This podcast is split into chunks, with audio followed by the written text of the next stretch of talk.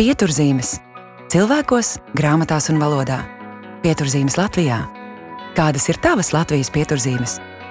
Meklēsim tās kopā podkāstā Latvijas pieturzīmes. Runāsim, diskutēsim, dalīsimies un domāsim latviešu par latviešu. Labdien! Turpinām sarunas par un ap latviešu valodu un latviešu. Un ne tikai ar iedvesmojošiem un zinošiem viesiem. Mans vārds ir Aiga Veckalne, un šodien raidījumā viesojas Kate Kaula Kalna. Bloga vārds vietā autore. Kate ne tikai raksta tekstus emuāram, bet ir arī satura mārketinga eksperte un uzņēmuma digitāla drive vadītāja. Šoreiz raidījumu vada mana kolēģe, pieturzīme līdzautore un sociālo tīklu mārketinga speciāliste Madara Strauta. Saruna nepretendē uz didaktisku latviešu valodas mācību stundu bet gan sniedz ieskatu reālajā valodas lietojumā, jauniešu, tā dēvēto jauno profesionāļu vidū. Īpaši priecē, ka gan Kate, gan Madara interesēs par latviešu valodu, un abām tā ir sava veida misijas apziņa - valodu izkopt un rakstīt latviešu. Šī sērija ir divu speciālistu saruna par mārketinga tekstiem un labskanīgu un iedabīgu tekstu rakstīšanu vispār. Tādēļ tā būs īpaši interesanta tiem, kuri interesēs par reklāmas valodu lai patīkama klausīšanās. Esiet sveicināti, cienījamie pieturzīmju podraidas klausītāji! Šodien ar jums kopā esmu es, Madara Strauta, un mans viesis ir Kata Kaulkalna, bloga vārds vietā autora. Katrs radītais bloks stāsta, kā jau var noprast par vārdiem un valodas lietojumu, kā arī citām tēmām.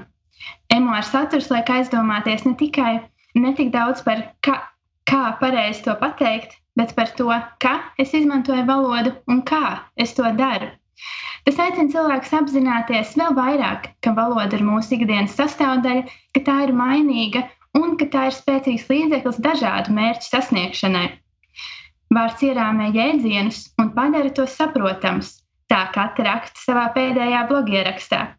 Šādas un līdzīgas atziņas iespējams atrast viscaur katras rakstītajos tekstos. Kate ir ne tikai bloga autore, bet arī satura mārketinga eksperte un uzņēmuma Digital Drive vadītāja. Kate ir iegūst angļu valodas filoloģijas izglītību Latvijas Universitātē, kā arī aizraujas ar grafisko dizainu un gleznošanu. Sveika, Kate! Sveiki! Priecājos iepazīties ar jums un priecājos beidzot piedalīties. Diemžēl gan šādā virtuālā veidā, bet tāpat ir liels gods Varbūt kaut kādā ziņā par laimi, ka mums ir iespēja tikties vispār, um, arī Jā. nesot klātienē, izmantojot tehnoloģijas.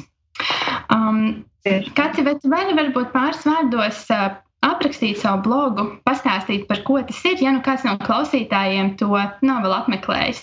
Uh, jā, tā tad uh, mans uh, blogs vērts vietā principā dzīvo kā ideja no tā, ka man ir tik daudz ko sacīt par valodu un par vārdiem. Ne tikai tādēļ, ka man ir šis fons ar angļu filoloģiju, bet vienkārši tā ir tā dabiski augusi interese.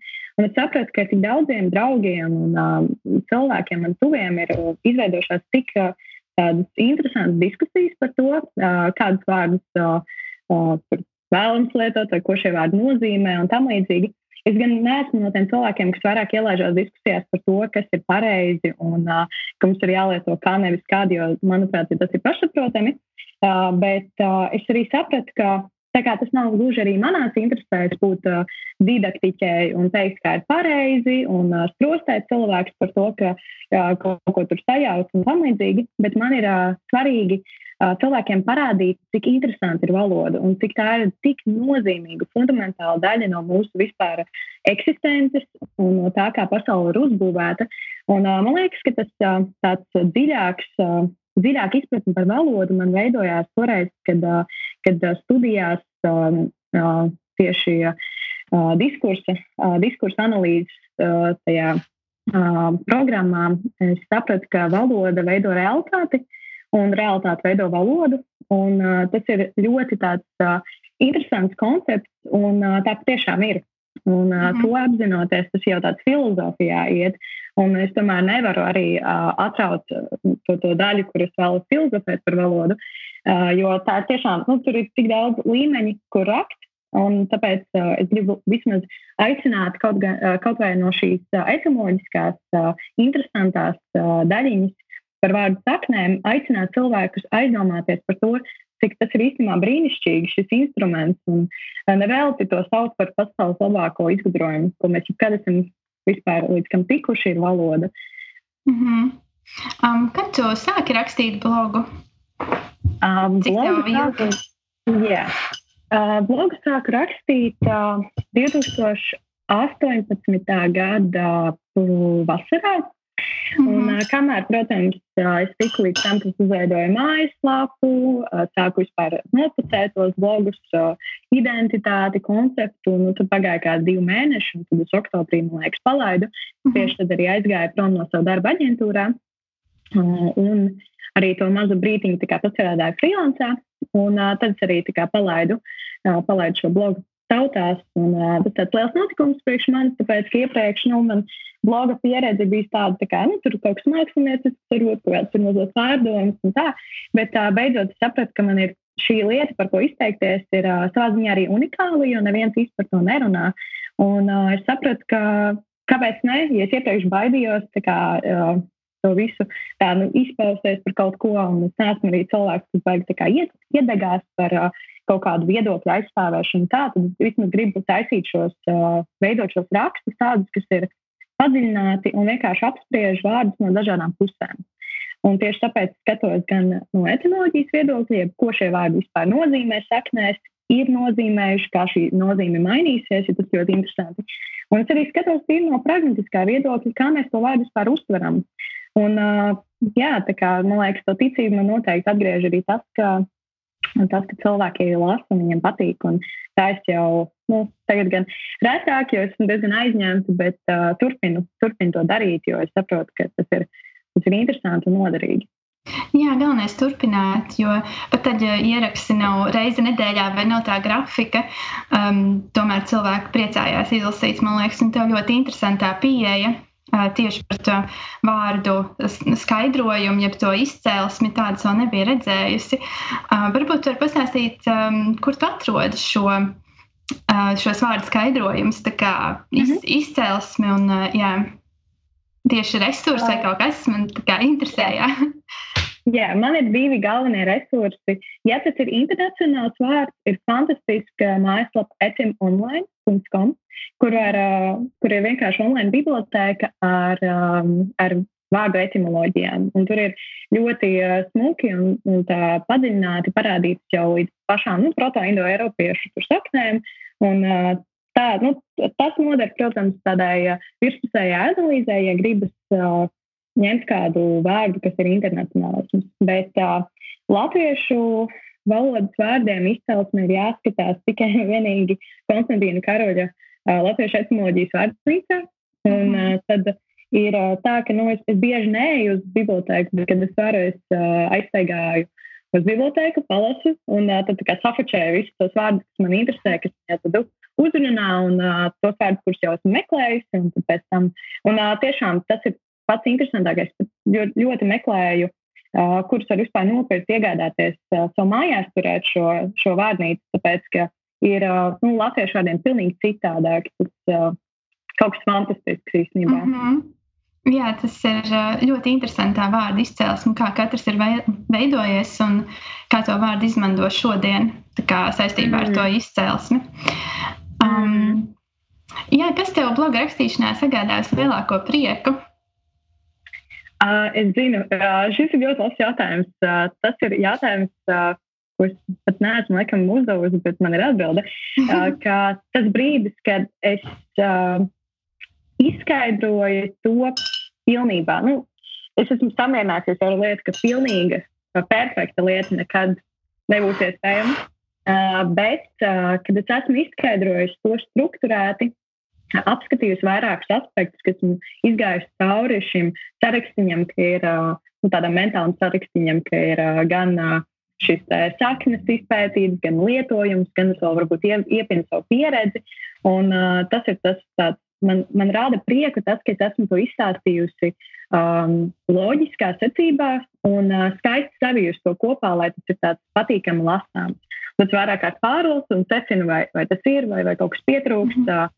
Un, uh, man pilnīgi noteikti rakstīšanā patīk veidot šos stilus, loģiskos, kas no viena paragrāfa aizved līdz otram. Un, tas arī tas viens no veid, nu, iemesliem, viens no veidiem, kā vispār padarīt tekstu labu, un ka, ka tas labs, labi lasās. Mm -hmm. Tad tev kopumā patīk galvenokārt tas uh, process rakstīšanas un, uh, un teksta radīšanas. Uh, jā, tas, kā tieši tā, kā tās domas vīs kopā un kā viņas vien, tās vienu otru papildina. Mm -hmm. Uh, pilnīgi noteikti man patīk redzēt sakarības starp uh, lietām un savilkt šos punktiņus kopā. Tas rada tādu uh, patīkamu sajūtu šo visu struktūrēt pa tādām smukām kastītēm un kategorijām un salikt, to, salikt šo informācijas blāķi pa tādām uh, saprotamām, saprotamām kastītēm. Jā. jā, ir arī liels prieks, kad mm, tu nosauc lietas īstajos vārdos. Nu, kā, tu domā par, um, domā par to, jā, un, tad, un kad tev pēkšņi tāds klikšķis, jā, tas ir tā, mm -hmm. kā to pareizi mhm. izskaidros, un tad viss uh, saslēdzas kopā, un tad uh, mm jā, tas arī var būt daļa no tā, ka ir tas prieks, ka ir tā it kā kastīte, bet tiešām laikā mm uzreiz tas pateicis tiem konkrētiem vārdiem, un ir skaidrs, par ko ir runa. Jā, um, jā pilnīgi noteikti arī tas. Uh, tu savā bloga nosaukumā raksti caur valodu par svarīgo. Um, kas tev ir šis svarīgais? Uh, ļoti interesants jautājums. Uh, pilnīgi noteikti tas, kā mēs uztveram lietas. Laikam domu process ir svarīgs, uh, svarīga lieta man, jo man liekas, ka pārsvarā mēs visi cilvēki dzīvojam savās domās. Tas ir modernā cilvēka sloks, ir uh, visu laiku dzīvot savā galvā un uh, nepiedzīvot šo mirkli šeit un tagad. Uh, bet tieši tāpēc uh, vismaz mēs varam uh, nu, pāanalizēt to, ko mēs domājam par lietām, kāda ir tā attieksme uh, par konkrētiem, uh, konkrētām tēmām un tam līdzīgi. Tā kā es noteikti domāju, ka, ka šī psiholoģiskā daļa man ir svarīga, man tā vienmēr ir interesējusi. Un, uh, tas ir tas, kā, kur es bieži vien iestūrēju, runājot par visādām lietām. Mm -hmm. um, vai ir kāds vārdu skaidrojums, kas tev ir uh, īpaši palicis atmiņā, kā, kas tev likās īpaši skaists vai, vai nozīmīgs? Mm -hmm. nu, ir daudz tādu noteikti. Jā, īstenībā jau studiju laikos, nu, tur gan vairāk mēs, protams, apskatījām angļu valodas izcelsmes vārdus, bet man likās, tik ļoti uh, tā, nu, tā prātam neaptveram, ka ir vārdi, kas bija pilnībā citādāk, pretējas nozīmes, kā viņi ir tagad. Piemēram, spilgts piemērs ir vārds nice, kur mēs visi sakām, kā, jā, jā, rītīgi mm. labi, un tā, bet tā, patiesībā kādreiz tas nozīmēja uh, muļķīgs, un uh, to izmantoja principā kā nu, tādu aizvainojošu vārdu, lai raksturotu kaut ko. Un, uh, tas ir ļoti tāds fantastisks piemērs, kā tas vispār vienā brīdī um, mistiski, kādā 16. gadsimtā ir mainījusies šī nozīme. Bet no latviešu vārdiem pilnīgi noteikti es joprojām neesmu uzrakstījis šo rakstu. Jā, mm -hmm. stāv tajā parakstītā. Tu varam um, gaidīt. Būs tāds prie, priekšskatījums, tā kā priekšdzirdējums šim. jā, jā, jā, mēs uh, priekšdzirdējums par vārdu uh, dvēsele. Uh, par to, ka tas ir uh, vienkārši no dvēseles, no dvašas, un tieši tādēļ arī iedvesma, un kas sakrīt ar angļu vārdu inspiration, ir arī vienkārši ielpa.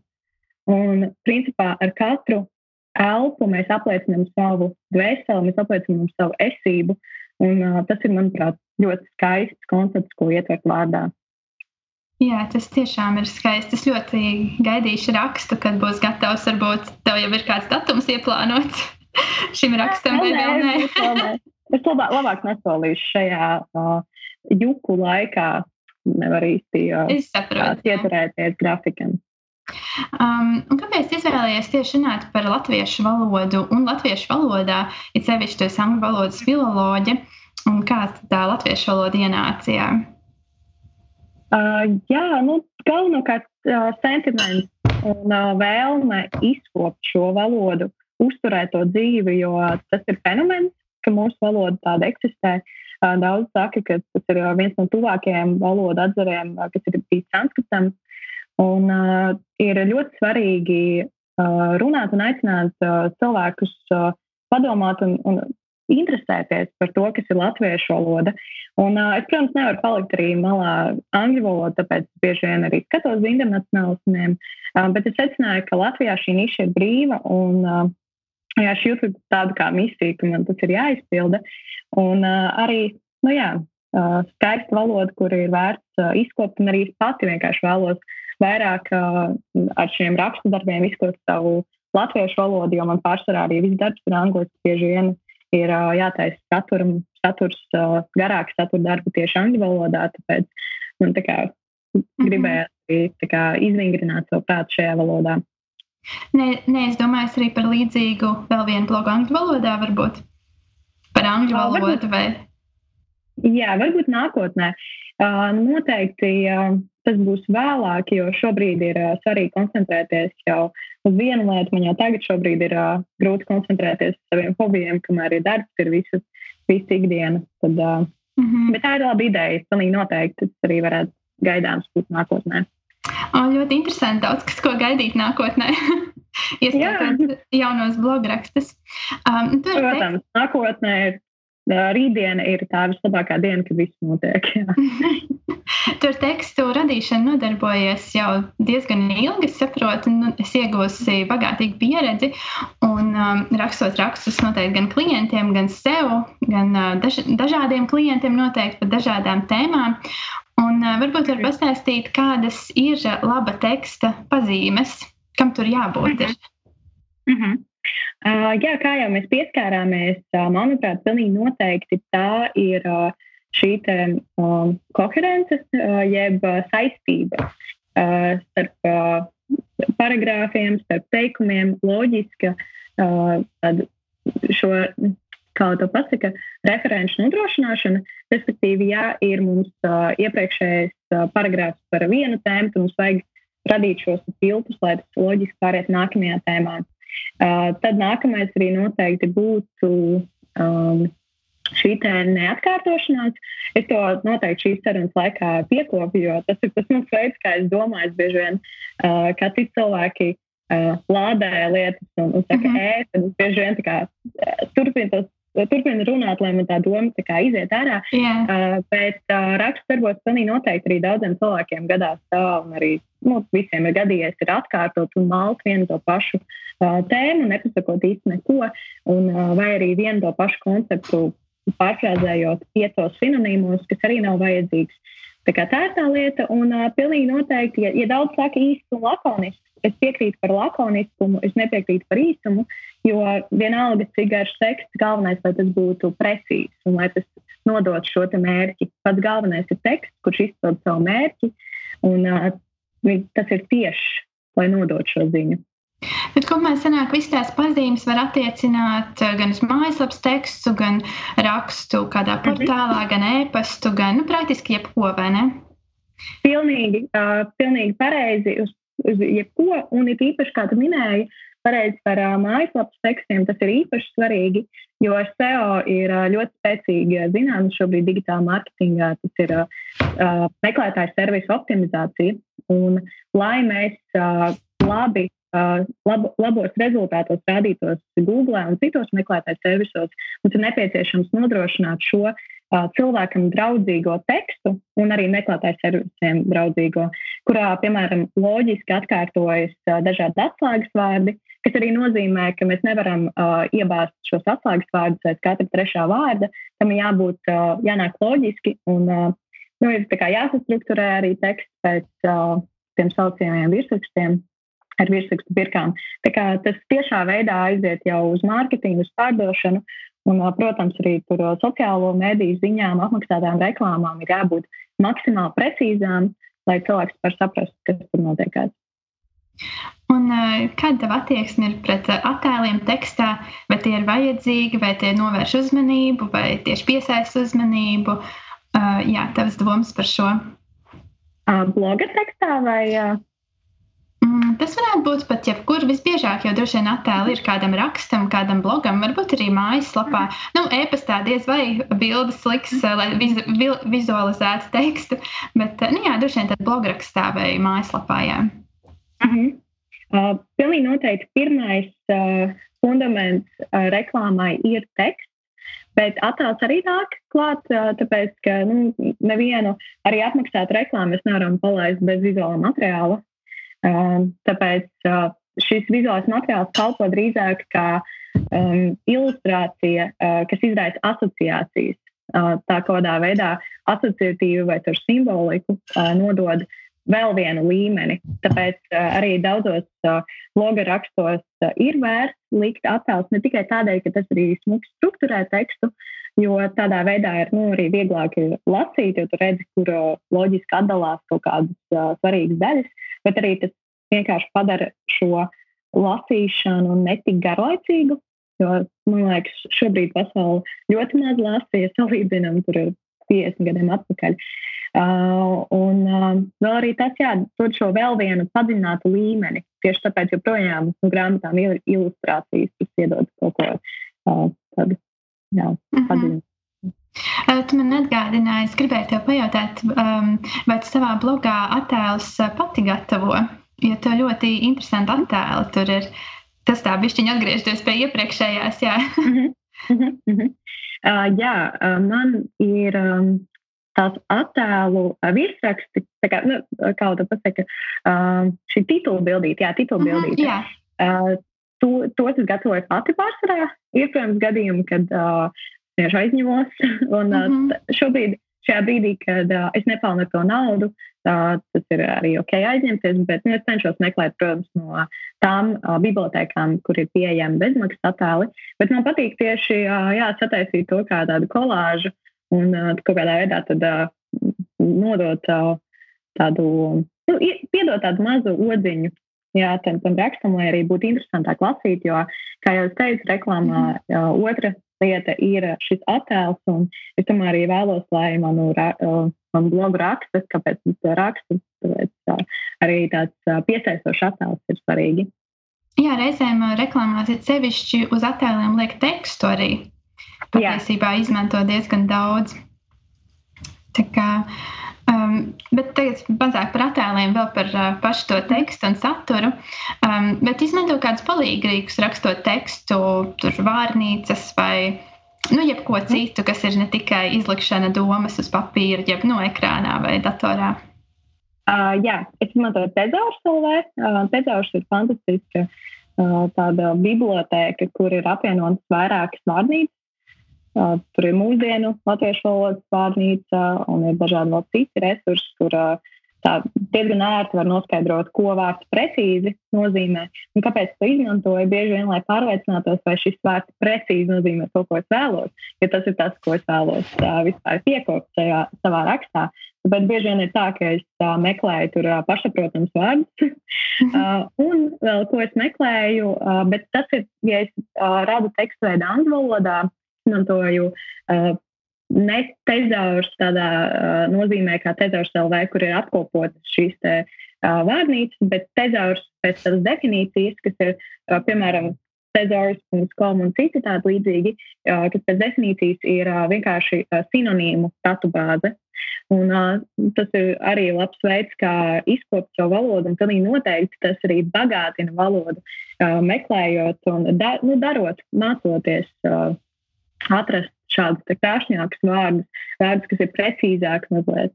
Ir ļoti, ļoti labs veids, kā attīstīt valodu arī. Un, uh... Es vēl varētu ieteikt, droši vien tas nav par valodas bagātināšanu, bet noteikti izmantot pareizrakstības pārbaudas rīkus. Tos arī noteikti izmanto nu, kaut vai Wordā, mm. Word dokumentos ir un, un citus, jā, kas pasvītro vismaz, ja ir kāda drukas mhm. kļūda vai kaut kas tāds. Jā, bieži vien tas notiek automātiski, jo es uh, visu laiku darbojos ar uh, Google Docs, un Google Docs jau ir automātiski uh, šīs mm -hmm. pareizības uh, pasītrojumi. Nu, jā, jā, jā mm. tieši tas. Un uh, kā tev šķiet, vai rakstīt var iemācīties, vai, vai arī to spēj tikai cilvēkam ir šis dabas dotais talants? Mm, es domāju, ka to var iemācīties. Pilnīgi noteikti. Uh, tas ir nevelti, nu, valoda ir tas instruments, ko mēs izmantojam ikdienā. Un, uh, mēs ar to esam jau diezgan pazīstami. Tas nav uh, zīmēšanas rīks uh, vai uh, tas nav neviens cits, uh, um, cita lieta, kas mums ir kā, teiksim, uh, jāiemācās no jauna. Uh, bet pilnīgi noteikti ir tāda lieta kā valodas izjūta, ko es nezinu, kā, kā lai to aprakstu. Tas ir kaut kāds talants, varbūt uh, šī jušana, kuri vārdi labāk dēr, uh, bet uh, kā jau ar visām lietām, kuras var iemācīties, ja to ļoti, ļoti vēlas, to var izkopt. Bet ir kāda padoma varbūt. Mm, ieteikumi, ko varētu darīt. Es nu, īsti man šķiet, ka es nemāku rakstīt, bet es, es gribētu iemācīties tā skaisti rakstīt. Mm -hmm. uh, Vecāmiņa padoms ir lasīt, protams, lasīt grāmatas. Uh, es domāju, ka šobrīd uh, šajā tiešsaistes vidē ir iespējams uh, lasīt ļoti daudz ko. Arī citu cilvēku emuārus, uh, dažādas rakstus, ir e-grāmatas un tam līdzīgi. Uh, tas neaprobežojas tikai ar, ar šo te. Papīra grāmatu lasīšanu, bet nu, noteikti kaut ko vairāk par ziņām, jo ziņas jau ir tāds atgremojams notikumiem, kaut ko lasīt, to, kas ir jau radošais teksts. Jo radošā teksta autori vienmēr būs padomājuši jau par kaut kādu māksliniecisko līmeni, būs piedomājuši pie vārdiem, nevis tikai uh, ziņas nodošanu. Uh, un labākais veids, kā iemācīties rakstīt, ir rakstīt. Jo uh, daudzas lietas mēs attīstam tieši darot. Uh, cilvēki ir dažādi. Es esmu noteikti no tiem cilvēkiem, kas arī labāk iemācās, ja es daru un kļūdos un, un uh, turpinu, bet rakstīšanā tas ir nu, viens no tādiem jau likumiem. Ja tu, ja tu gribi to izkopt, tev vienkārši tas jādara. Un bieži vien, jā, ironiski, bet labākais veids, kā pārkāpt šim radošajam blokam, kas bieži vien piemeklē rakst, rakstītājus, uh, ir sākt rakstīt. Un viens ir tāds praktisks ieteikums, ko var darīt, ir tajā brīdī, kad galīgi nu, vispār nenāk nekāda iedvesma ārā. Ir, teiksim, uz piecām minūtēm uzlikt timeri un rakstīt visu, kas vien nāk laukā. Rakstīt par to, kā es jūtos, rakstīt par to, ka man nesanāk rakstīt. Un tādā veidā tu jau tā kā, nu, kā, kā ieļo savu mehānismu, un jau tad tālāk ir daudz vieglāk uh, vispār nonākt uz tā ceļa, ka tu sāc rakstīt arī to, ko tu biji ieplānojis. Jā, ļoti interesanti padomi. Paldies. Es varbūt ņemšu vērā par to piecu minūšu rakstīšanu. Vienkārši visu, kas ir reizēm piesēdies un nevar, nu, nenāk ārā. Kā, uh, tas teksts, jā. Mm. Um, Latviešu valodai tavā dzīvē ir diezgan liela nozīme. Tu pati gan minēji, gan uh, rakstīji blogu par to. Uh, vai tu vari pastāstīt, ko tev nozīmē izkopt latviešu valodu, kā tu to saproti? Kas ir izkopt latviešu valoda? Jā, izsot um, skaista varbūt. Nu, tā, jā. Uh, man viskaistākais ir dzirdēt uh, no apkārtējiem cilvēkiem vārdus, kurus ikdienā nedzird. Uh, tas ir tikai izvilkt no tādas vecas pūra lādes kaut kādas uh, fantastiskas pērlītes. Un ir tiešām, tiešām liels prieks dzirdēt, ka cilvēki izmanto kādus vārdus, piemēram, meķīgs vai, vai zutnis un uh, tādus varbūt vēl vecvārdus. Uh, vai arī izdomāja kādas uh, radošas spēles ar vārdiem. Uh, manuprāt, tas ir vispār mans sirds sildīja latviešu uh, valodā atrod kaut ko tādu kā šīs vārdu spēles. Un, manuprāt, man tā ir izkopta valoda. Ja mēs atceramies par leksiku, mēs bagātinām savu vārdu krājumu latviešu valodā. Protams, protams mums vajadzētu ievērot arī nu, tā tādus pieklājīgus gramatikas likumus un uh, atcerēties tās lietas, ko mums uh, kādreiz tur 5, 9, klasē, 12 klasē mācīja. Bet uh, man tas nav tik svarīgi, jo man svarīgi ir komunikatīvais uh, mērķis, uh, jebšu nodot šo te, uh, ziņu, kas ir kontekstā iederīga. Tāpēc man ir svarīgāk, ka es saprotu cilvēku, ko viņš man saka, pat ja viņš kļūdās. Bet uh, katrā ziņā, ja viņam ir vēlme izteikties kaut kā radošāk un garšīgāk, tas ir tas, ko es tieši novērtēju. Um, tu minēji valodas spēles. Kas tas īsti ir? Es nezinu. Jā. Uh, piemēram, tā, tūlīt patīšos ātri, kā sauc to grupu, kurai es šodien tad, uh, ies. iereģistrējot. Facebook grupa, kuriem es iesaku visiem uh, pieregistrēties, ir uh, saucas Kalambūris. Mm -hmm. Es nesaprotu, kā es varēju tik ilgi nezināt par šādu Facebook grupas uh, eksistenci, uh, jo uh, tā ir grupa, kur cilvēki ir atraduši šīs vārdu spēles, uh, kā angļu valodā saucas pants, par, par to, kā, kā to paskaidroju, ja mēs gribam to skaidrot, viens vārds izklausās kā otrs, ja, ja sapratu to ideju, tad mm -hmm. noteikti sapratu. Yeah. Vai, arī, vai arī vārdam var pieskaņot uh, pēc uh, fonētikas uh, kādu citu vārdu un izveidot tādu tā kā hibrīdu. Un tā jau arī būvēs joks, jo uh, tas, ka mēs redzam, uh, un patiesībā jā, tas, tas atbilst uh, arī tam, kas man patīk valodā vispār uh, redzēt šīs sakarības. Un šie te valodas pants, ja Es nezinu, latviešu valodā trūkst šī vārda. Laikam, laikam kalambūrs ir tas vārds, kas redzot. Šie latviešu kalambūri ir tāpat kā metafors un simboli darbojas. Viņi redz savstarpēji kaut kādas šīs te līdzīgas, līdzīgus rakstus, un redz, kur tie kā sajiet kopā un kā mēs varam izveidot to. Un, un tā arī būvē šis joks, ka mēs redzam šo sakarību starp diviem nesakarīgiem mm -hmm. Jā, es vēl gribēju minēt par to, ka tu teici, ka tev patīk cilvēki izmanto dažādus nu, nedzirdētus vārdus vai mazāk lietotus, un es noteikti tev pievienojos. Es tieši gribēju tev arī jautāt, vai tev ir kādi tādi vārdi, un tu jau pasteidzies pa priekšu, es gribēju pastāstīt savējos. Man ļoti patīk pašai lietot, nu, cik nu bieži sanāk vārdu pēcāk, un tagad es esmu sākus arī, sākus arī pierakstīt vārdus, kurus es kaut kur mm -hmm dzirdu, kurš tā kā liekas, oh, tāds interesants. Un mm -hmm. man patika untumains, cimperlīgs, cimperlīgs gan ir apvidvārds. Um, un yeah. drānas, deksme, acīgs, izsēklis un um, tādi. Uzreiz jā, tā valoda kļūst interesantāka. Mm. -hmm. Nav nevis jāsaka, ka latviešu valoda nav bagāta salīdzinot ar angļu valodu. Tā kā mm vismaz šis viedoklis izskan diezgan daudz. Ja cilvēki lieto anglicismus, tad, yeah. tad uh, izskan, ka nevar jau izteikties latviešu. Bet nu, gluži precīzi yeah. man šķiet, ka nav. Jā, es, es daļēji piekrītu tam, uh, kādēļ tas ir noticis īstenībā vienkārši politisku, vēsturisku uh, notikumu rezultātā. Jo angļu valoda ir valoda, kurā ir tik daudz ievazētu ārzemju valodu kā neviena cita. Tajā ir franču izcelsmes vārdi, tik daudz ģermāņu izcelsmes vārdi.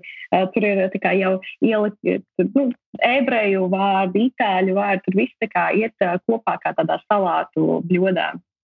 Un, tāpēc arī tur ir tas plus, ka ir tik daudz šīs etimoloģijas sagājušas kopā vienā valodā, tāpēc arī tā ir krāšņāka, jo tā ir pirmkārt arī globāla valoda un tik daudzos reģionos radījušies visādi izteicieni un vārdu salikumi, kas arī it kā rada to, uh, to krāšņumu, bet uh, jā, tas nav iemesls, lai nelietotu latviešu valodu. Jo latviešu valodā var atrast šos veidus, kā mēs varam izteikties. Bieži vien gan uh, tas sanāk garāk izteikties nekā angliski. To var pateikt angliski, teiksim, vienu vārdu. Latviešu valodā vēl nav šī vārda, tāpēc mēs izmantojam anglicismu, bet uh, iespējas ir. Mm -hmm. Un, um, kas ir tas, ko, te, ko tu ieteiktu visiem, lai izkoptu valodu, lai bagātinātu? Varbūt tev ir kādi ieteikumi? Mm -hmm. uh, lasīt latviešu autors, uh, runāt ar savām vecmāmiņām. Jā, Man liekas, tas ir labs jā, ieteikums, jo, ja ir tā iespēja vēl parunāties ar vecmāmiņu, viņi noteikti pateiks kādu vārdu, kurš, kurš ir aizmirsies. Un tas ir tas mm -hmm. veids, kā mēs vienīgais veids, kā mēs varam uzturēt šo valodu dzīvi, ir runāt tajā. Un, uh, tāpēc arī es uzskatu, ka nav pat īsti svarīgi cepties par kā un kādu. Uh, to var maigi norādīt, bet uh, svarīgi ir tiešām vienkārši runāt un, un turpināt atrast uh, šos aizmirstos vārdus. Jā, tā tad lietos valodu, un tad jau viņi arī Jā. dzīvos. Jā. Um, nedaudz attālinoties, nu, pavisam nedaudz attālinoties no valodas. Um, Pastāstiet, kā tu nokļuvi līdz angļu filozofijas studijām, un uh, tālāk pēc tam uz latviešu valodu. Tagad, uh, nu, blogā padziļinātāk pēti, un, uh, bet sāksim ar studijām. Jā, uh, jā. Uh, kā lai to pasaka, man laikam visas zvaigznes salikās kopā, un es vienkārši izdomāju ieklausīties tajā, kas man interesē visvairāk. Un man vidusskolas laikā padavās ļoti daudz lietas, un vienu brīdi padomāju, ka es iešu studēt ķīmiju. Bet, kad es iedomājos sevi nākotnē, strādāju ķīmijas laboratorijā, un es saprotu, realizēt sevi kaut kā radoši, es saprotu, ka nu, tas ir kaut kas tāds, ko, ko vajag aši šo domu pagrūst malā un vienkārši izvēlēties to, kas tiešām interesē. Jo, nu, varbūt jā, man bija tā privilēģija uh, tikt kādā no be, uh, budžeta grupām, uh, bet tieši tādēļ es arī izdomāju, ka es uh, iešu tur, kur man ir uh, budžeta vieta, lai es varu, ja, ja tā lieta man ļoti, ļoti interesē, tad es varu to izkopt. Un valoda man vienmēr interesējusi, vienmēr padavusies.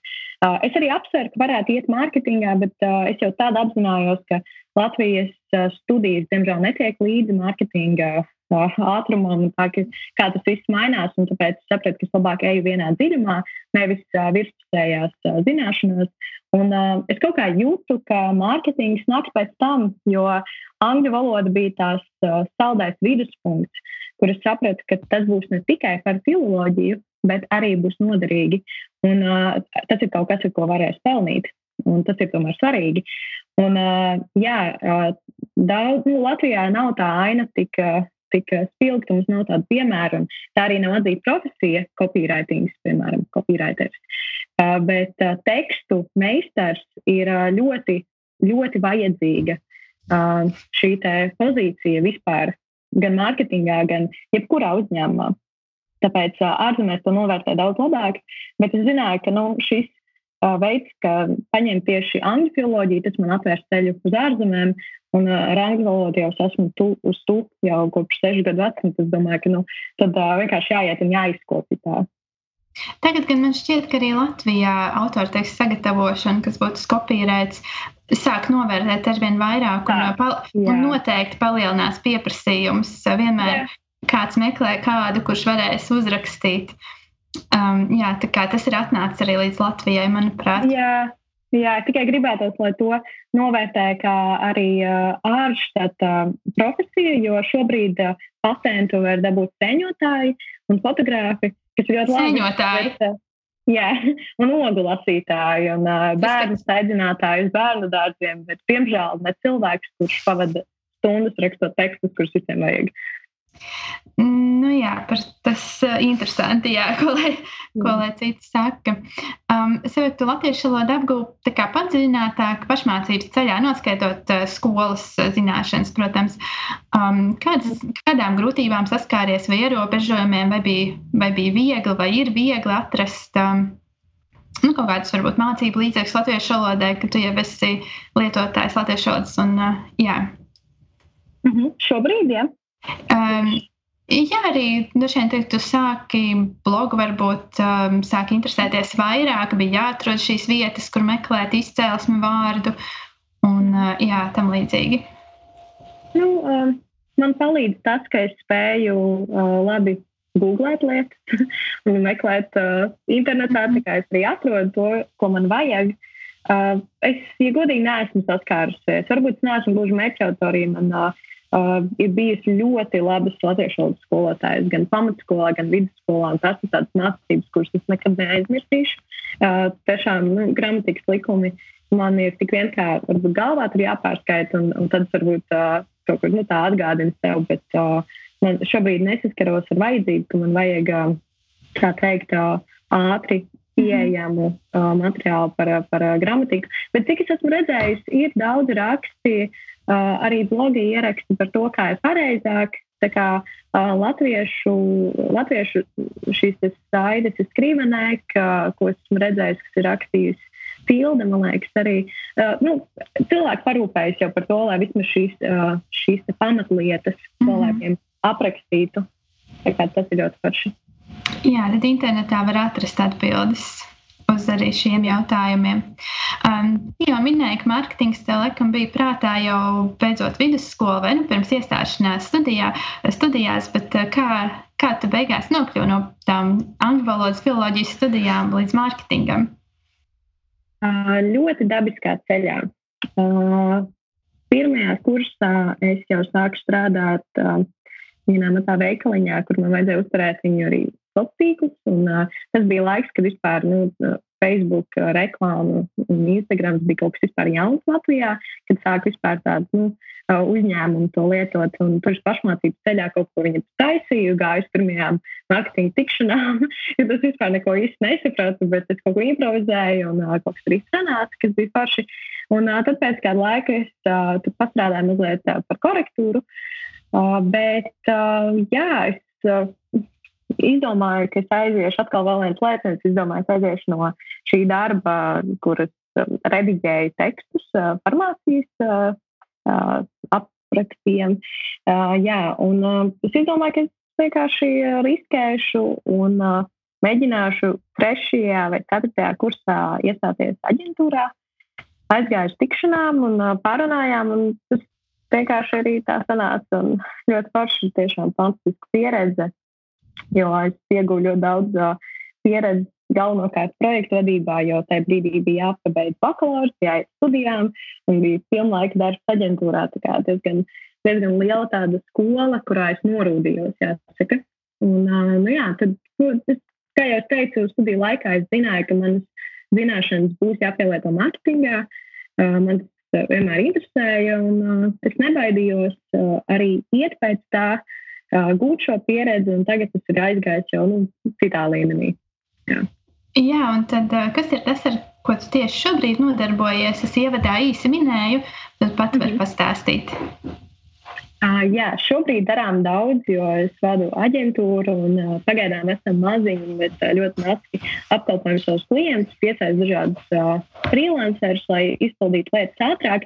Bet galvenokārt darbojos es un uh, piesaistu arī savu kolēģi Kristiānu, Un, jā, principā šis mans lielais izaugsmes lēciens sākās tieši tad, kad es palēnām sāku sadarboties ar viņu, jo mēs sākām runāt par to, ka mārketings var būt ne tikai manipulācija, bet mārketings var būt arī tāds svarīgs instruments, lai palīdzētu lietām notikt, lai palīdzētu kustināt procesus un lai galu galā palīdzētu tiem uzņēmumiem, kas palīdz cilvēkiem iznest viņu to pakalpojumu tālāk. Un uh, pilnīgi noteikti tur uh, es sāku redzēt šo mārketinga labo pusi, jo strādājot aģentūrā un pašā strādāju tikai ar sociāliem tīkliem un PR, uh, man tas viss likās diezgan virspusēji, jo uh, izolācijā sociālā tīkla neko daudz uh, nepanāk.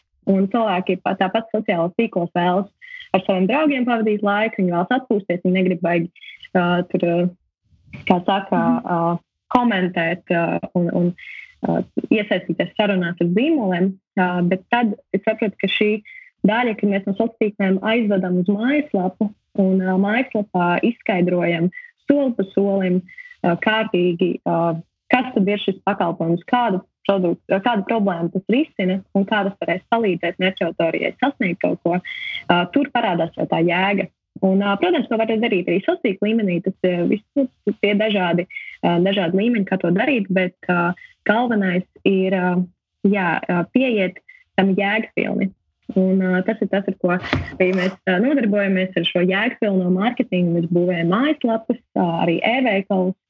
Uh, un, uh, piestrādājam pie šī teksta, it īpaši, lai šis teksts būtu tāds, kas nevis vienkārši manipulē un saka tukšas frāzes, bet pārliecina par vērtību. Un tāpēc arī mūsu galvenā tā, tāda galvenā ideja ir sniegt vērtību. Un, uh, tas ir tas arī, ko mēs darām ar saviem sociālajiem tīkliem. Tas ir tas, ko es iesaku saviem klientiem. Vispirms sniegt vērtību, un tad kā, uh, lēnām to cilvēku uzvedināt uz savu klientu ceļu. Tā kā, ja īstenībā šo visu uh, filozofiju uh, pārtulkot, tad tas būtu vienkārši uh, stratēģijā balstīts satura mārketings ar pārdošanu kā mērķi. Jo mums mhm. galvenais ir tas, lai mūsu klienti var paēst no šī, lai viņiem reāli arī iekrīt pirkumi. Tā kā visi, visi tajā brīdī tiek lietot visi rīki, kas ir digitālā mārketingā. Vienkārši tos visus vajag mhm. salikt kopā, un to mēs arī darām.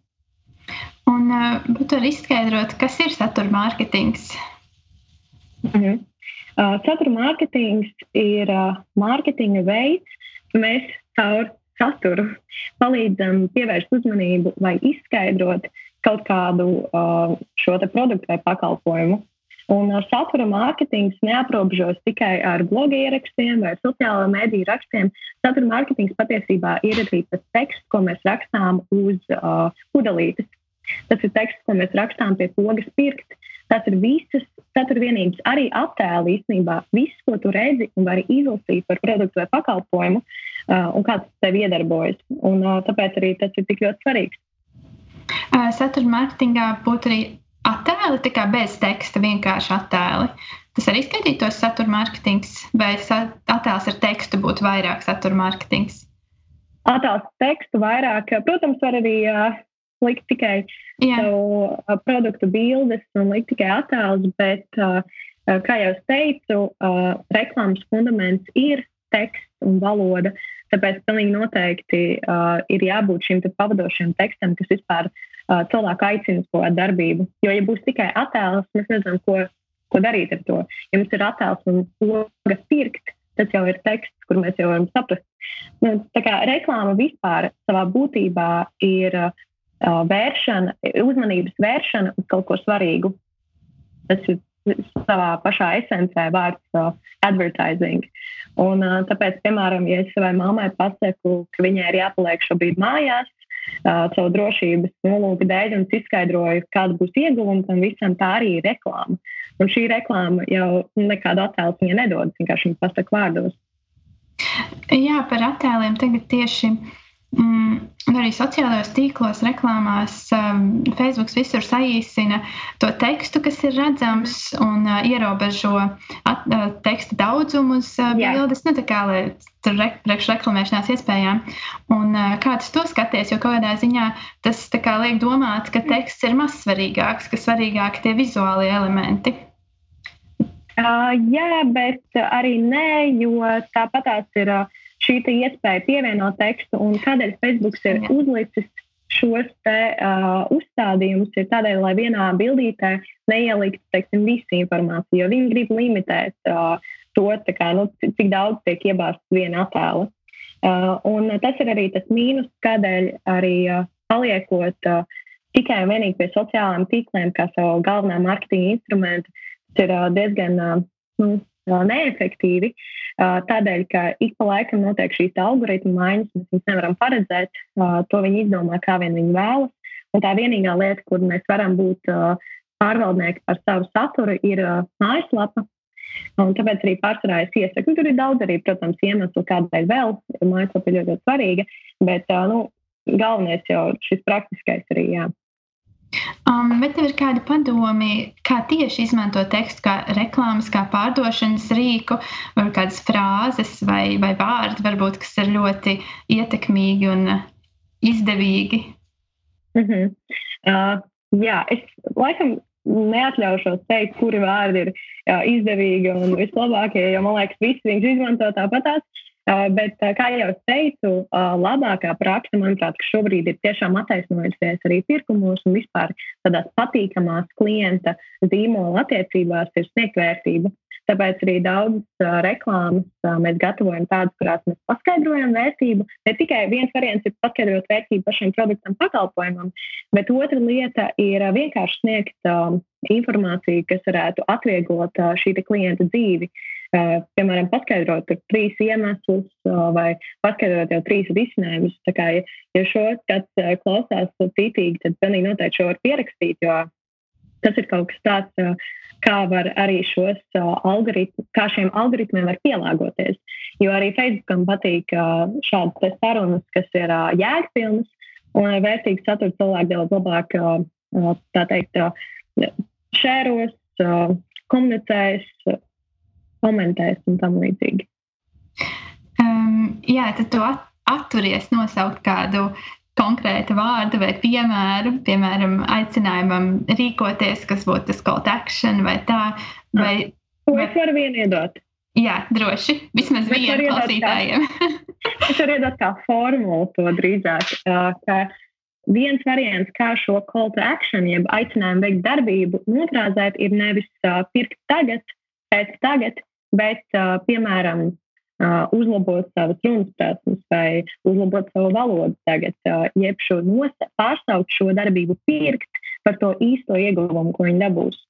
Tā kā, mhm. tas ir nu, atkal uh, veids, kā, kā šo market, satura mārketingu izkopt, ir uh, vienkārši pakāpties atpakaļ un padomāt uh, par šī klienta pozīciju un uzdot viņa jautājumu viņa vārdā, kas man no tā, kas man no tā, ka man ir uh, iPod, kuram ir viena gigabaita uh, atmiņa, bet uh, man tas labums ir tas, kas ir 5000 dziesmas ielikt. Tā kā nu, tur ir tas, mm -hmm. tas veids, kā tam var pieiet. Um, jā, paldies par, par uh, šo ieteikumu. Es domāju, ļoti, ļoti vērtīgs jāskatīties no lietotāja puses, jo tad uzreiz tās reklāmas arī ir pat patīkamāk skatīties. Tev neliekas, ka tev cenšas uzspiest kaut ko iegādāties vai izdarīt.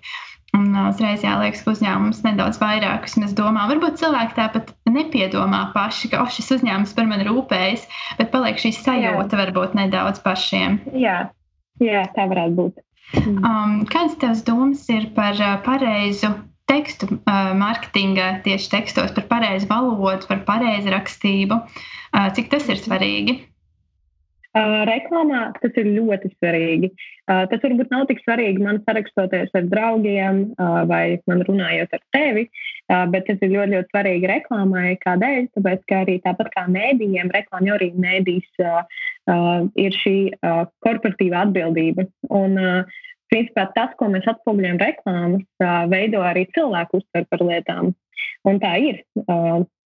Tāpēc arī mums ir svarīgi vismaz jebkuru mēdīju izkopt par to vietu, kur tiešām tu varēsi sastapties ar labu valodu. Protams, ka tā dzīvē nenotiek, bet uh, esmu arī redzējis tās reklāmas, kurās ir uh, tiešām tāds briesmīgs druks kļūdas, cilvēki to pamana, uh, cilvēki komentē un viņiem rodas neusticība. Jo tajā brīdī, ja uh, tā ir prestiža kompānija, kur nevar uzrakstīt uh, pareizu teikumu, tad jau liekas, tas, tas var sašķobīt to, to uzticību jau pirmajā līmenī, kad tu redzi to reklāmu.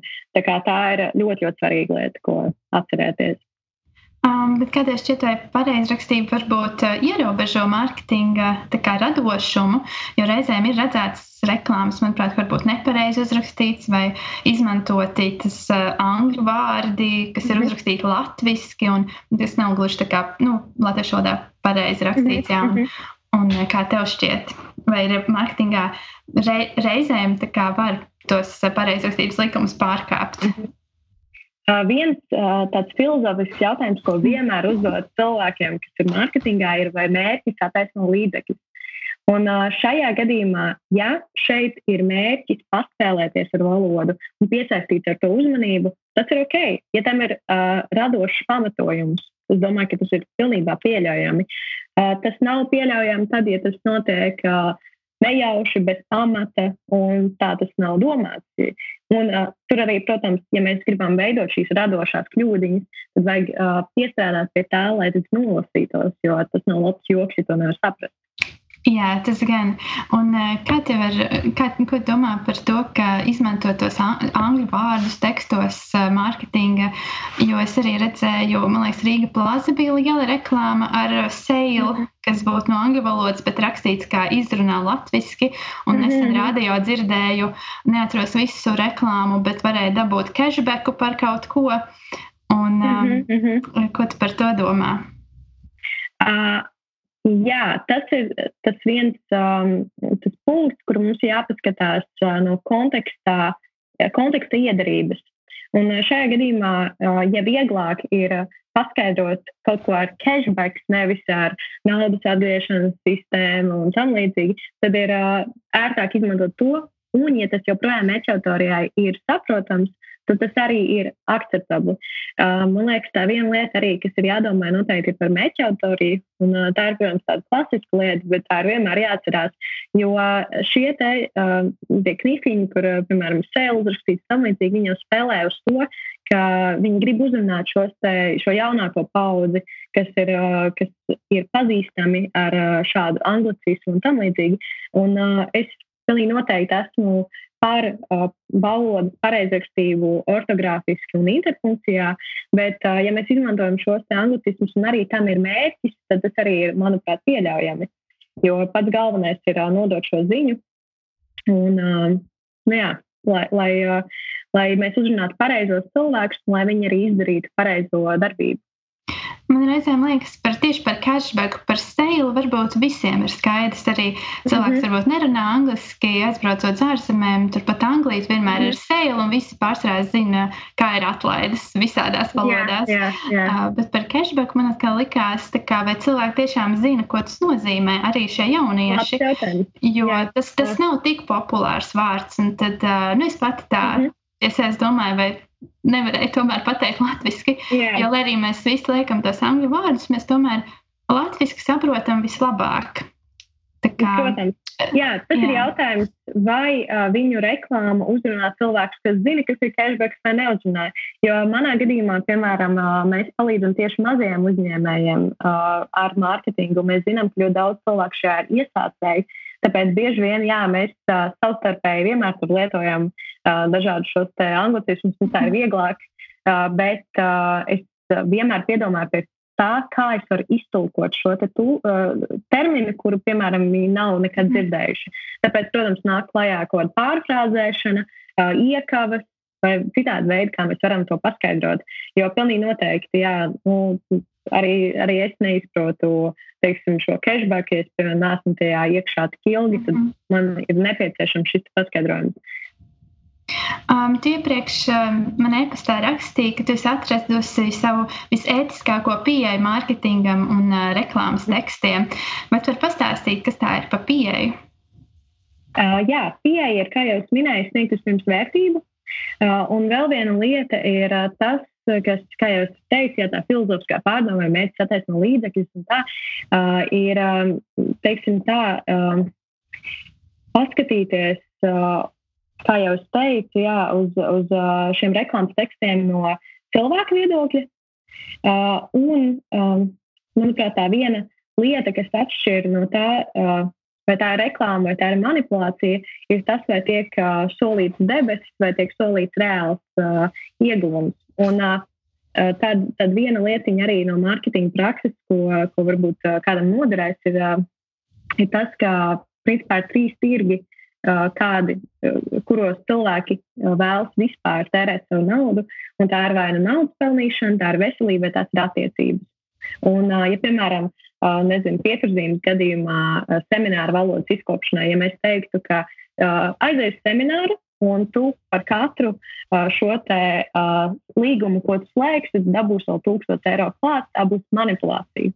Bet, ja mēs sakām, ja tu ar savu uzņēmumu aizies uz šo semināru, jūs iemācīsieties pareizu valodu, jūs tādā veidā nepieļausiet pārpratumus ar savu klientu, un tādā veidā jūs vairs netērēsiet naudas pārpratumiem, un rezultātā tāpēc arī būs tā kā biznesā teiksim, šī te, naudas taupīšana, jeb naudas pelnīšana.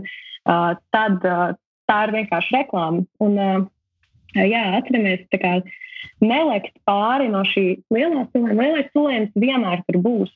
Jo kaut, kam, kaut ko jau ir jāiet. Es nevaru teikt, ka, piemēram, pārdodu vienkārši šīs, šo krēmu, kas uh, uh, ir pildīta ar hialuronu skābi. Jo cilvēkam nav jāsaka, ko viņi dara man. Bet, ja es saku, tas ir tas lielais, uh, uh, lielais solījums uz skaistumu, bet ka tas ir iet cauri ādas elastībai un, un jauneklīgumam, tad tas ir, tas ir ētiskāk. Tas ir ētiskāk, ja mēs mazliet tā kā, nu, atkāpjamies, paturot prātā šo bildi. Mēs viņu tā kā implicējam, mēs viņu pasakām ar puķēm vai nododam cauri kodiem piemērotiem atslēgas vārdiem, bet mēs joprojām esam patiesi pret to, ko mēs dodam. Un uh, pirmām kārtām, jā, sniedzam vērtību. Ja tas ir kopumā galvenokārt domāts par to lietotāju, pircēju, un tas ir, kas ir tas, ko viņš vēlas, kā viņš var izmantot manu produktu, nu, uzņēmumu Jā. produktu savā labā, pa īstam, nevis, ne, nevis lai viņš tikai nopērk vai, vai, Jā. vai, vai, vai atnāk. Um, valoda, bloks, vārdi, saturs, mārketings. Tas nav vienīgais, man šķiet, ar ko tu nodarbojies vai aizraujies. Vai tur pastāstīt par saviem hobijiem, interesēm? Man interesē ļoti daudz uh, lietu. Pārsvarā tas viss sadurās pie to, um, kāda ir cilvēks, kādi mēs esam savā uztverē, uh, kāda mēs esam attiecībās viens ar otru.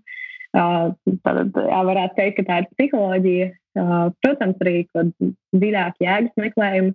Un galvenokārt māksla, viss skaistais un viss skaistā gan radīšana, gan pieredzēšana. Un tad nu, es vakaros, jā, kad, kad gribas atslēgties un izpaust kaut kur savu to radošo potenciālu, paglaznoju, pazīmēju. Un, klausos mūzikās un mirklī, un, protams, man patīk arī būt pie dabas un uh, praktizēt uh, to, ko sauc par apziņotību. Jā, vienkārši būt šeit un tagad un saskaņā ar sevi. Un, uh, tā, es domāju, arī ir tāda interese, hobijs. Es redzēju arī, ka tu esi iesaistījies projektā vai veido projektu vietējie LV. Es saprotu, tas ir kaut kas jauns. Varbūt par to var pāris vārdos vēl arī pastāstīt. Jā, es īstenībā tieši arī gribēju uh, pāris vārdus pateikt, jo šobrīd, kā zināms, ir tāda ļoti, ļoti sāpīga situācija arī mazajiem uzņēmējiem. Mēs cenšamies būt pēc iespējas etiskāki. Protams, arī ir daudz, nu, vienkārši šobrīd daudz sāpju cilvēkiem un uzņēmumu brūk. Un mēs cenšamies palīdzēt, kā vien varam ar e-veikaliem un mājaslapām, bet, uh, lai uztaisītu tādu mazliet vienkāršāku koncepciju tiem cilvēkiem, kam šobrīd viņiem nav arī resursi, lai izveidotu e-veikalu mājaslapu, mēs izveidojam šo datubāzi. Protams, šādas datubāzes ir jau vairākas, bet mēs vēlamies vienopus publicēt šobrīd tieši tos mazos uzņēmējus, mairažotājus, amatniekus, kas nodrošināšu savu darbību krīzes laikā. Respektīvi, tas ir katalogs, kurā es varu paskatīties pēc kategorijām ēdienas, dāvanas, dizaina lietas, apģērbs, un es varu izvēlēties, kurš no šiem, man, kur no šiem es vēlos atbalstīt. Un tādējādi iepazīties īsumā ar profilu, kur mēs arī manuāli izveidojam katram mazajam uzņēmējam, kas piesakās pēc labākās uh, tekstveidus un satura mārketinga prakses, lai cilvēki varētu ērti saprast, kas tas ir, ko tas dara, kā tas piegādās man šo pakalpojumu, kā es varēšu norēķināties un vispār kā, kā, es, kā es varu atbalstīt savējos. Un, tieši tādēļ mēs aicinām šobrīd arī ļoti daudz visus tos mazos uzņēmējus. Gan pieteikties, gan arī paši viņus laikam iekšā, lai mēs varam arī gan sociālos tīklos, gan šajā mājaslapā reklamēt viņus un dot viņiem papildus atbalstu. Um, jā, arī šī saite noteikti būs uh, mūsu podkāstu piezīmēs. Super. Tā kā varēs um, cilvēki, kas klausās, varēs arī uzreiz uzklikšķināt. Un uh, kā tev ir kādi nākotnes plāni, kas tev ir tuvākajā nākotnē, tālākajā varbūt kādas idejas? Mm -hmm. Uh, nu, es pārsvarā atbildu par kaut kādiem tuvākiem plāniem. Es tā uh, neuzdrīkstos izteikt nākotnes plānus, jo ļoti iespējams tie mainīsies. Bet nu, turpmākajā gadā, teiksim, gada griezumā ir ļoti svarīgi palīdzēt vēl daudziem maziem uzņēmējiem Latvijā. Noteikti vēlamies arī iet ārzemēs vairāk ar dažādiem risinājumiem, arī ārzemju maziem uzņēmējiem, startupiem. Un, turpināt izkopt, noteikti audzēt savu komandu. Uh, tas gan ietvers apmācīt vēl cilvēku visās zini, zināšanās un pulcēt ap sevi profesionāļus, kas vēlas augt un mācīties, bet uh, tas ir izaicinājums, ko noteikti vēlos uzņemties un turpināt radīt, uh, turpināt radīt gan tekstus, gan val par valodu, uh, iegūt šo uh, dzīves un darba balansu, lai arī man ir šī radošais potenciāls, šis radošais potenciāls uh, rakstīt šos uh, rakstus un iepriecināt cilvēkus par uh, tekstiem, par valodu. Un noteikti arī vēl kaut ko pagulzināt. Un, Protams, gan vajadzētu saņemties, publicēt arī internetā vairāk, bet tam arī būs laiks. Jā, tas ir tik daudz um, prasmju, un talantu un interesu, tad, uh, tad dienā pietrūkst laika, lai visu uzspētu izdarīt. tā ir, tā ir. Bet uh, es dzīvoju uh, vienu dienu, uh, kā one step at a time. Un, nu, visam, visam ir savs laiks, man pieder viss pasaules laiks, ir vienkārši prioritāte. Tādēļ uh, Es uh, vairs nejūtos tik slikti, ka man jāsaplēšās uz, uz vairākām daļām. Es vienkārši dzīvoju ar šo plūdumu. Un, uh, zinu, ka vienmēr būs laiks gan radīt, gan piedzīvot, gan atpūsties un arī palīdzēt. Jā, Kati, paldies tev liels par sarunu šodien. Bija prieks ar tevi iepazīties neklātienē, varbūt kādreiz klātienē, tomēr arī. Paldies, ka dalījies savām idejām un visādiem padomiem un ieteikumiem gan mārketingā, gan par tekstu un tekstu radīšanu un interesantiem valodas izcelsmes momentiem, kuri pat vēl nav lasāmi blogā. Jā. Paldies, paldies tev liels par sarunu. Um, paldies, Pītē. Šodien jā, es jau izstāstīju, par ko mēs runājām. Un raidījuma piezīmēs klausītāji atradīsiet īsu pārskatu par šodienas sarunu, kā arī noderīgu informāciju un visas diezgan daudzas saites, ko Kate minēja, varēsiet uzreiz uzklikšķināt. Un paldies, ka klausījāties uz tikšanos nākamajās podraides sērijās. Un papildu informāciju par pieturzīmēm un nākamajiem raidījumiem varat atrast mūsu Facebook lapā, kā arī Instagram profilā. Priecāsimies ļoti, ja dalīsieties ar šo raidījumu un atstāsiet pozitīvu vērtējumu. Uz tikšanos!